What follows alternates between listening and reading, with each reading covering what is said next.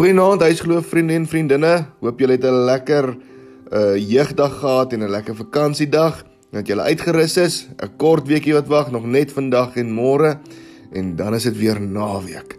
Die eksamens begin amper en ek hoop julle is reg vir die eksamens. Ons kyk het hierdie week na Dawid gekyk. Ons het Dawid se familieboom gesien. Ons het gesien dat dat Samuel 'n ander koning soek en hy en hy was en hy toe na Isaai Dawid se pa toe gaan en al sy seuns gekyk en toe vir Dawid gekies. Vanaand kyk ons Dawid die musikant. Wat is jou gunsteling liedjie?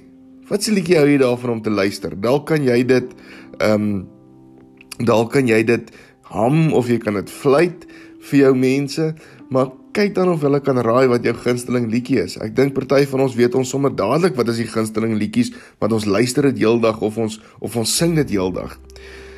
Wat se liedjie luister jy wanneer jy dalk hartseer is?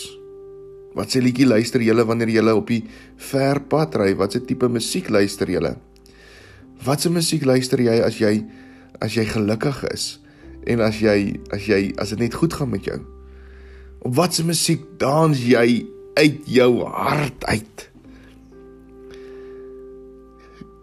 Musiek, musiek kan baie keer emosie wys. Baie keer weet ons nie hoe om iets hoe om iets in woorde om te sit nie, maar musiek wanneer mense dit sing, dan kan jy so jou emosie wys of jy kwaad is en of dit swaar gaan en of dit goed gaan.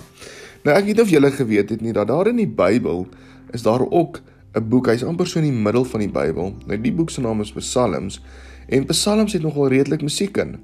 Ons sien Dawid het hierdie liedjies geskryf en hierdie liedjies is baie keer hartseer geweest of hierdie liedjies was bang gewees of in hierdie liedjies sien ons klomp emosies. Ons sien hoe die volk Israel kwaad was in party van hierdie liedjies. Maar ons sien hierdie liedjies, hierdie liedjies het baie beteken. Dawid het nie net hierdie musiek geskryf nie, maar hy kon self instrumente speel ook. En ons sien dat koning Saul dit het nie goed gegaan met hom nie. Daar was 'n bose gees wat in hom was en ons sien dat dat dit het regtig nie goed gegaan met hom nie. En so kry hy toe vir vir ehm um, Dawid laat Dawid vir hom musiek speel. Kom ons kyk in 1 Samuel 16 vanaf vers 18. En daar staan een van die amptenare antwoord hom: Ek het 'n seun van Isaai die Bet ehm um, die Betlehemer hoor speel. Hy is 'n dapper man en 'n goeie vegter. Hy kan sy woord goed doen en het 'n goeie voorkoms. Die Here is by hom. Saul het boodskapper na Isaai toe gestuur met die verstoek: "Stuur jou seun Dawid wat die wat by die kleinvee is na my toe." Isaai het toe brood, 'n sak wyn en 'n klein bokkie gevat en dit op 'n donkie saam met Dawid na Saul toe gestuur. So het Dawid dan by Saul gekom en vir hom gewerk. Saul het baie van Dawid gehou sodat hy Saul se wapendraer geword het. Saul het ook na Isaai toe gestuur en laat vra, "Laat Dawid tog vir my werk. Ek hou van hom." Telkens wanneer die boosaardige gees in Saul was, het Dawid die lier gevat en daarop gespeel. Dan het Saul bedaar. Die boosaardige gees het van hom af pad gegee. Hoe dink julle het Dawid geleef dat die mense kon sien dat hy naby aan die Here leef? Hoe dink julle het hy geleef dat die mense kon sê, "Maar joe, hierdie man leef naby aan die Here." Dink julle dit was maklik geweest vir Dawid of was dit moeilik om gehoorsaam te wees aan sy pa en aan 'n koning? En hier sien ons in die laaste vers dat wanneer daai bose gees in Saul gekom het, was dit rof geweest. Hy het kwaad geraak.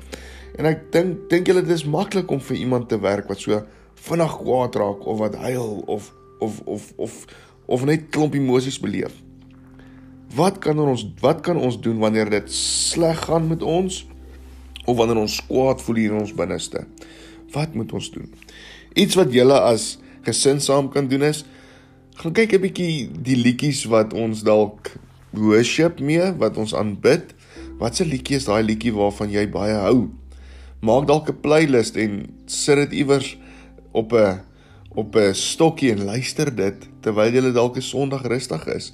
Laat elkeen in die gesin sy liedjies kies waarop jy worship en dan luister jy daarna. Mag julle 'n wonderlike aand hê.